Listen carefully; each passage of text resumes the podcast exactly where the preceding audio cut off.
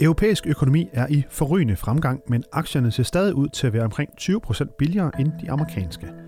Det er et af argumenterne for, at Nykredit i øjeblikket ser positivt på europæiske aktier. Hør mere om det om lidt, når vi tager en snak med Claus Dalsgaard og Frederik Romerdal Poulsen, der er henholdsvis chefstrateg og analytiker i Nykredit Markets. Der er dog også en sten i skoen for europæiske aktier i form af et valg i Italien. Hør mere om det lidt senere. Og så lugter det britiske parti Labour blod efter valget tidligere på måneden. For investorerne der er spørgsmålet, om det bliver et blødt eller et hårdt Brexit. Hør mere om det til sidste udsendelsen, når vi kører ugens tweet. Du lytter til Nykredits podcast om formue og investering. Mit navn er Kasper Sagmann. Siden slutningen af april har Nykredit haft et særligt positivt syn på europæiske aktier. Men hvorfor egentlig, og hvad betyder det i praksis, det skal vi i dag prøve at blive lidt klogere på. Og derfor har vi interviewet, inviteret jer to i studiet, hedder det Claus Dalsgaard og Frederik Romerdal Poulsen. Velkommen her til podcaststudiet. Og lad mig starte med dig, Claus. Hvorfor var det, at I i Nykredit blev glade for europæiske aktier her i slutningen af april? Det er jo ikke en øh, pludselig beslutning. Vi har jo kunnet se gennem, gennem nogle år, at europæiske aktier har klaret sig dårligere end amerikanske aktier, og vi har også kunne se, at hvis man kigger på selve værdiindsættelsen, at de gradvist faktisk er blevet billigere og billigere igen relativt til amerikanske aktier. Så, så det er med at være et spørgsmål omkring, hvornår var ligesom vi var trygge nok ved situationen. Det vi kan jo konstatere for øjeblikket, det er, at europæisk økonomi er i forrygende fremgang. Det går rigtig, hvordan, rigtig... hvordan viser det så? Ja, men vi kan jo se det i nøgletallene, og der, er, der er flere elementer. Der er selvfølgelig sådan noget klassisk om BNP-vækst, men det, der er som allerede mest glædeligt, det er jo faktisk, hvordan vi kan se, at det her økonomiske opsving bliver spredt ud til flere og flere hjørner af det europæiske fællesskab. Og så øh, kan jeg bare nævne en, en lille ting. Det er faktisk 80 procent af euroområdet nu, som viser decideret jobvækst år og år. Der simpelthen bliver skabt nye job, så, så vi får skabt mange nye job, og det er jo det, der virkelig skal fasttømmer det her opsving af det, der bliver kommet ud og bliver bredt ud til, til den almindelige befolkning. Der kommer job, der kommer lønninger, så det går simpelthen i stigende grad bedre. Det er ikke kun noget, vi kan se i ledende indikatorer. De er rigtig fine, og det viser, at fremgang med stor sandsynlighed fortsætter, men simpelthen har været noget økonomisk fremgang. Så hvor længe skulle europæiske aktier blive ved med at klare sig dårligere end amerikanske? Det er jo sådan det spørgsmål, vi har gået og stillet os selv.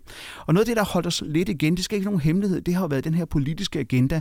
For vi har vidst et stykke tid, at vi havde en meget tæt pakket politisk agenda her i, i, i 17 og ind i 18, og vi havde jo lidt remisens tilbage fra 16 med Brexit, øh, og hvornår ligesom at den her politiske tog ville lette nok. Så det har været en, en klart en, et synspunkt fra vores side ved at gå ind og nu begynde at anbefale øh, øh, overvægtende europæiske aktier.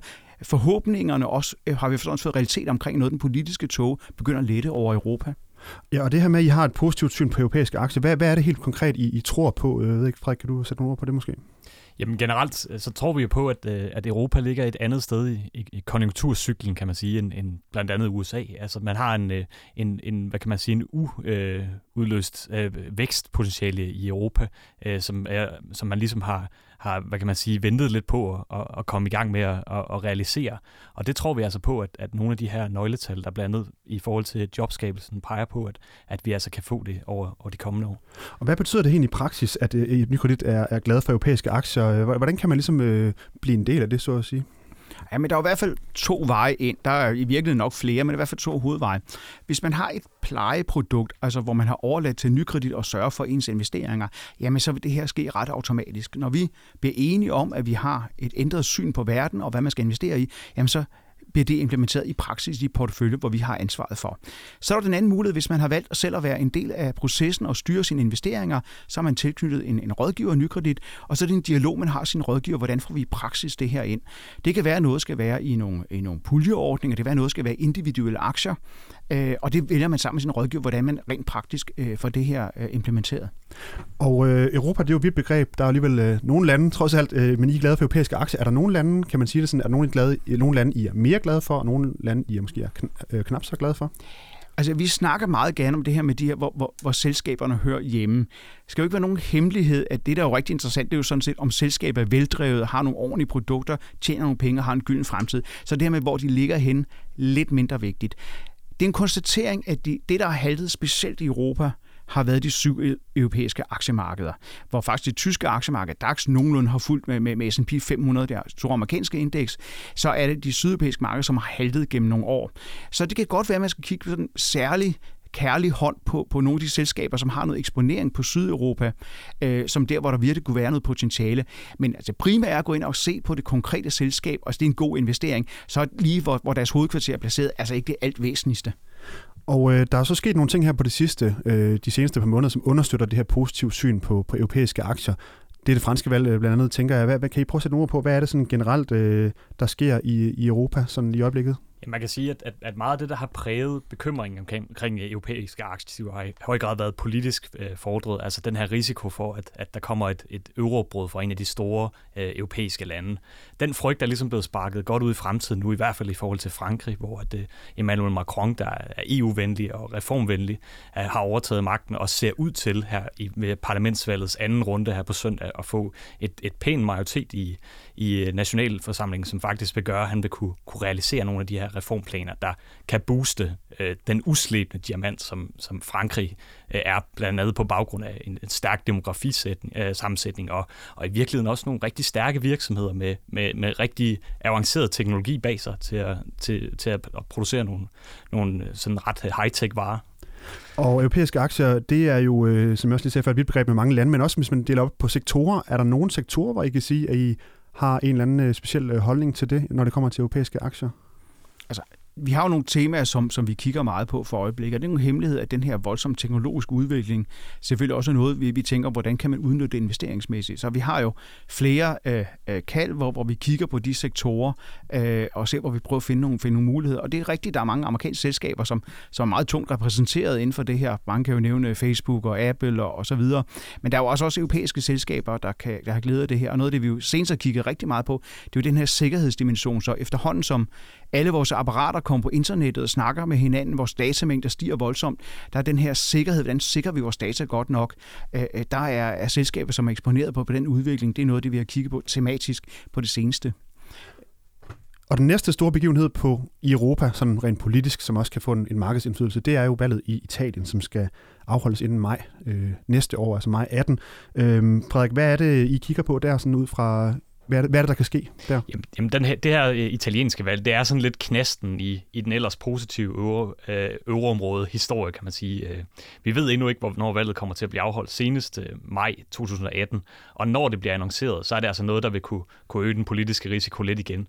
Øh, risikoen er, at, at det her, den her populistiske bevægelse, Five Star Movement, kommer til magten og får opbakning til en euroafstemning fra nogle af de andre sådan ret yderliggående partier, der, der også ser skeptisk på, på et eurosamarbejde. Og forskellen fra Frankrig er, at italienerne er kritiske omkring eurosamarbejdet og Europa europæiske institutioner generelt. Det er man blandt andet fordi, at, at man føler, at, at den, den her flygtningekrise har ramt landet uhensigtsmæssigt hårdt, og at, at de europæiske institutioner ikke har hjulpet landet op øh, efter den her krise. Selvfølgelig også fordi, at man øh, modsat blandt andet øh, Frankrig øh, og Tyskland, ligesom ikke har fået den her gen- genopretning efter gældskrisen i samme omfang, som, øh, som man ser, ser mere nordpå. Ja, hvad vil, øh, ja, det ved jeg ikke, du har noget at supplere med, Claus, i forhold til Italien. Det er klart, det er den sidste, sidste øh, sko i, i, øh, i, sten i skoen. I, ja, sten i skoen, vi har. Øh, og vi håber selvfølgelig, at, at, at den udvikling, som, som er i gang i Frankrig, og vi har også set, at den rigtig fantastiske udvikling, der har været i Spanien, som, som laver jobvækst som aldrig før i spansk økonomi for øjeblikket, at den også kan, kan smitte af, altså at den kan give det der håb for den italienske befolkning, som selvfølgelig har været præget af, at det er gået skidt i mange år økonomisk i Italien, kan se, at andre lande har trukket sig op ved hårene, sat øh, moderate reformer i gang og får forløst et vækstpotentiale. Så vi håber, at Frankrig og Spanien kan være sådan et godt eksempel øh, for italienerne Øh, men, men det er det rigtige, det er det den sådan sidste øh, lille, lille hørte, vi skal overstå. Jeg vil sige, hvis jeg lige skal supplere lidt også omkring, jeg synes, der er noget, der er spændende omkring med, med, med Frankrig, det er jo det, det også betyder at få den her reformvenlige franske præsident ind, det er jo, at, øh, at vi får genskabt den her øh, Berlin Paris-akse, som har haltet lidt under Hollande, for at være helt ærlig. Øh, hvorfor, altså, er det, hvorfor er det vigtigt? Jamen, det er vigtigt, fordi at, at tyskerne har altså øh, et traume omkring at påtage sig lederskab, og de står stærkere som ledefigur, både i verden, men i høj grad også i, selvfølgelig i Europa, hvis ligesom de står sammen med nogle stærke partnere. Så nu tror vi kommer til at opleve fremadrettet, at, at Tyskland og Frankrig vil i høj grad de samme ting, og det kommer simpelthen til at virke stærkere på den måde. Og jeg ved ikke, om vi har tid til at lige at, at vinde det tyske valg, og, og jeg ved godt, at det kan måske føles lidt kedeligt. Det er altså først 24. september, og meningsmålinger tyder på, at, at Merkels øh, øh, koalitioner, altså konservativ, CDU, CSU, står til at få et rigtig, rigtig flot valg. De lige har haft tre fremragende lokalvalg dernede, specielt i den mest folkerige øh, region, Nordrhein-Westfalen, med 18 millioner vælgere. Øh, et, et historisk godt valg øh, for dem. De står rigtig, rigtig stærkt, og og det ser også ud, at I kan næsten vælge at vrage mellem, mellem partnere til at danne regering bagefter, og det kan blive super, super godt. Jeg tror, det bliver Merkels sidste kanslerperiode. Hun har siddet øh, meget længe allerede, og, og det, jeg sådan er så optaget lige nu, det er, hvad er det, der ligesom skal være det store øh, program for Tyskland og for Merkel i måske hendes sidste øh, kanslerperiode. Og der tror jeg, at det her med at genskabe dynamikken i, i europæisk økonomi, og genskabe også, øh, hun lige holdt en meget øh, vigtig tale, det her med også, at Europa tager sin skæbne i egne hænder på en måde, vi måske ikke har gjort i en periode. Og der bliver det rigtig, rigtig vigtigt med partnerskabet mellem Frankrig og Tyskland for at lede den proces. Og øh, for lige at vende tilbage til europæiske aktier, jeg kunne ind og se, at det er det, der hedder Eurostox 50, som er sådan et af de ledende europæiske aktieindeks, som, som dækker nogle af de store selskaber i hele Europa, altså både Tyskland og Holland og Frankrig, det er Volkswagen og Carrefour, hvad de hedder alle sammen. Den er steget mere end 20 procent over det seneste år. Øh, man kan sige, øh, det er jo også en, en pæn stigning. Hvor meget mere tror I, europæiske aktier har i sig, øh, sådan et skud på tasken, eller et slag på tasken over på sådan den korte og lang sigt? Altså, når, når vi taler øh, investeringer, så taler vi meget tit i to dimensioner. Det ene er sådan, hvor mange aktier skal man have i forhold til andre aktieklasser. Det er sådan en type beslutning. Og den anden er, hvad skal man så have, når man har besluttet, hvor mange aktier man skal have. Og det vi i hvert fald kan sige, når vi kigger på sådan noget som price book, det bliver lidt teknisk, i hvert fald en af de måder, øh, man kan se på værdiansættelsen relativt set, så snakker vi omkring, at europæiske aktier er måske op mod 20% billigere end amerikanske aktier mål på den her. Og med ret positive udsigter for europæisk økonomi, de er lidt senere tilbage i cyklen, de kan have god vækst i nogle år endnu, uden at opleve inflationære problemer, øh, jamen så tror vi godt, at de kan hente noget af den her øh, underprisning, de har i forhold til amerikanske aktier. Så det, det er noget af det, vi selvfølgelig kigger på. Den anden beslutning, som sagt, det er, hvor mange aktier man skal have, og det er jo også igen noget individuelt af, hvor risikosøgende man, man er. Men vi er jo ikke specielt nervøse for aktier, men vi har en neutral allokering lige pt. på aktier. Øh, men, men det er specielt allokering inden for aktieuniverset, hvor vi godt kan lide Europa. Og så går vi videre til det andet emne. Vi skal til ugens tweet, og øh, det lyder simpelthen sådan her. Labour's offering a strong and stable leadership when Theresa May's coalition of chaos collapses. Og det er Jeremy Corbyn, lederen af øh, det britiske parti Labour, som har tweetet det her øh, tidligere på ugen. Øhm, og øh, Frederik, det kan være, du kan sætte ord på. Hvorfor er det det her? Det er et, et interessant tweet, synes du? Jamen, det er interessant, fordi det viser den politiske situation, vi står i øh, i Storbritannien lige nu. Øh, konservative fik øh, ikke det nødvendige flertal i, i parlamentet og skal altså nu ud og hente noget opbakning fra, fra blandt andet de her nordirske duber, som, som Theresa May i øjeblikket forhandler med. Det kan vise sig at blive sværere end forventet.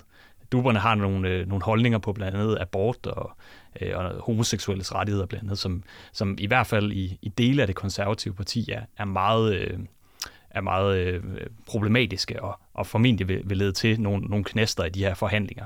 Og, og på den anden side, Labour, de lugter jo blod og ser altså, at, at, at det her det kan blive rigtig, rigtig svært for Theresa May at få en stabil regering øh, sat op. Og det er jo selvfølgelig også noget, der kan, kan lede til et, øh, et regeringsskifte eller, eller, eller lignende her øh, på den længere bane.